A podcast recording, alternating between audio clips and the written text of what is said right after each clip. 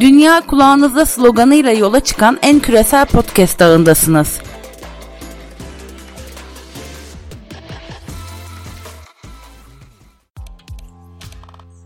İngiltere Pod'dan herkese merhabalar. Şu anda 5. bölümü dinlemektesiniz. Ben Osman Hulusi, burası Cambridge, İngiltere. Bu hafta İngiltere'de neler konuşuldu, kimler konuşuldu onları ele alacağız. Geçtiğimiz ay boyunca neler olduğunu merak edenler, neler konuştuğumuzu merak edenler şu an telefonunuzda açık olan sayfadan diğer bölümleri seçerek ulaşabilirler. Şimdiden herkese iyi dinlemeler. Bu hafta gündemimizde sağlık çalışanları, Boris Johnson, İskoçya Başbakanı ve İngiltere'nin uykularını kaçıran İskoçya'da güçlenmeye devam eden bağımsızlık damarı, koronavirüse karşı yürütülen çalışmalar, İngiltere iç piyasasının hali pürmelali, ırkçılığa maruz kalan İşçi Partili milletvekili var. Yani gündemimiz dop dolu. Önce sağlık diyelim ve oradan başlayalım. İngiltere'de hemşireler özlük haklarının iyileştirilmesini istiyor. Pandemi sürecinde çok daha ağır şartlarda ve salgın hastalık tehlikesiyle iç içe çalışmaya mecbur kalan NHS hemşireleri Cambridge'de bir yürüyüş gerçekleştirdi. Eylemin en vurucu cümlesi bana göre "From hero to zero" idi. Yani kahramandan sıfıra.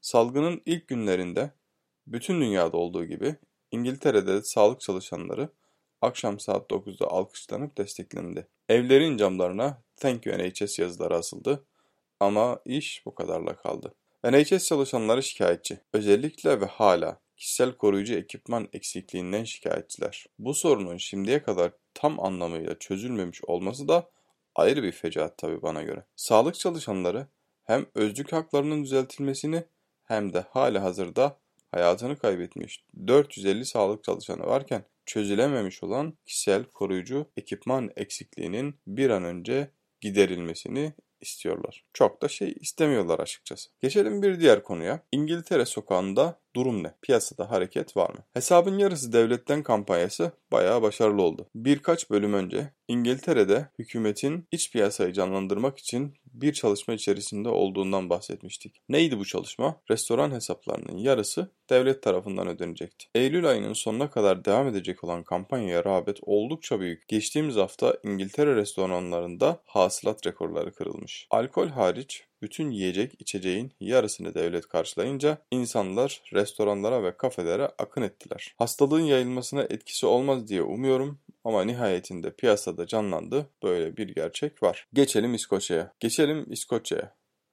5 yıl önce bağımsızlık referandumu yapan ama kıl payı Birleşik Krallık'ta kalmaya devam eden İskoçya, Londra'nın uykularını kaçırmaya devam ediyor. Geçtiğimiz günlerde ilginç bir gelişme yaşandı.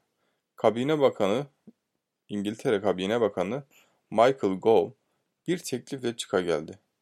Teklif İskoçya Başbakanına İngiltere hükümeti kabinesinde bir koltuk vermeyi öngörüyordu. Tabi burada bir parantez açmak gerekiyor.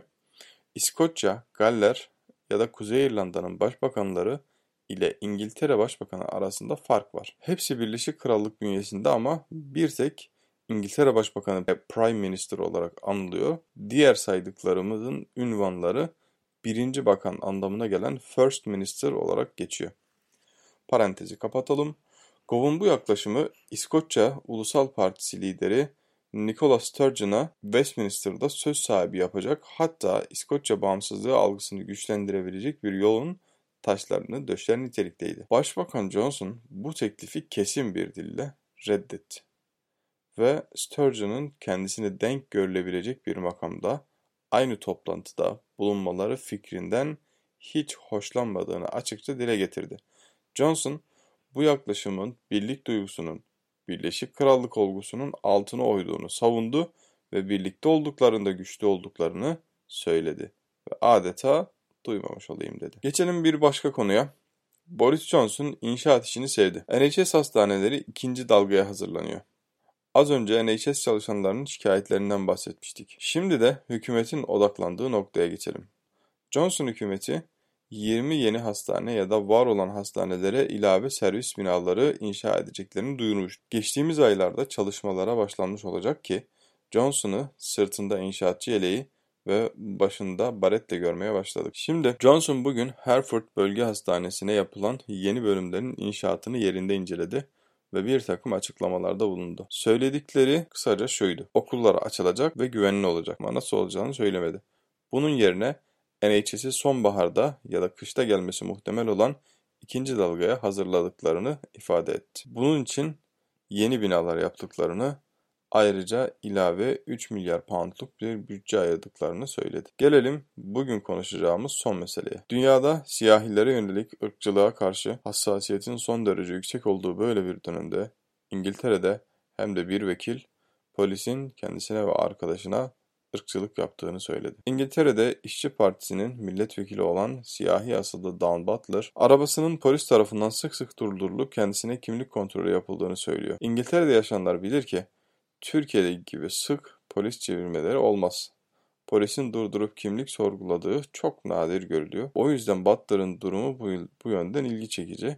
Son olayda yine kendisi gibi siyahi olan bir arkadaşıyla arabada seyahat ederken polis tarafından durdurulmuşlar. Kimlik kontrolünün ardından polis özür dileyerek yanlışlık olduğunu söylemiş. Butler, polislerin siyahilere karşı ön yargıyla hareket ettiğini söylüyor ve bunu da bizzat kendi tecrübelerine dayandırıyor. Bu haftalık bizden bu kadar.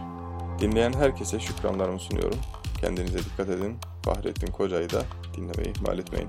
Sağlıcakla kalın efendim.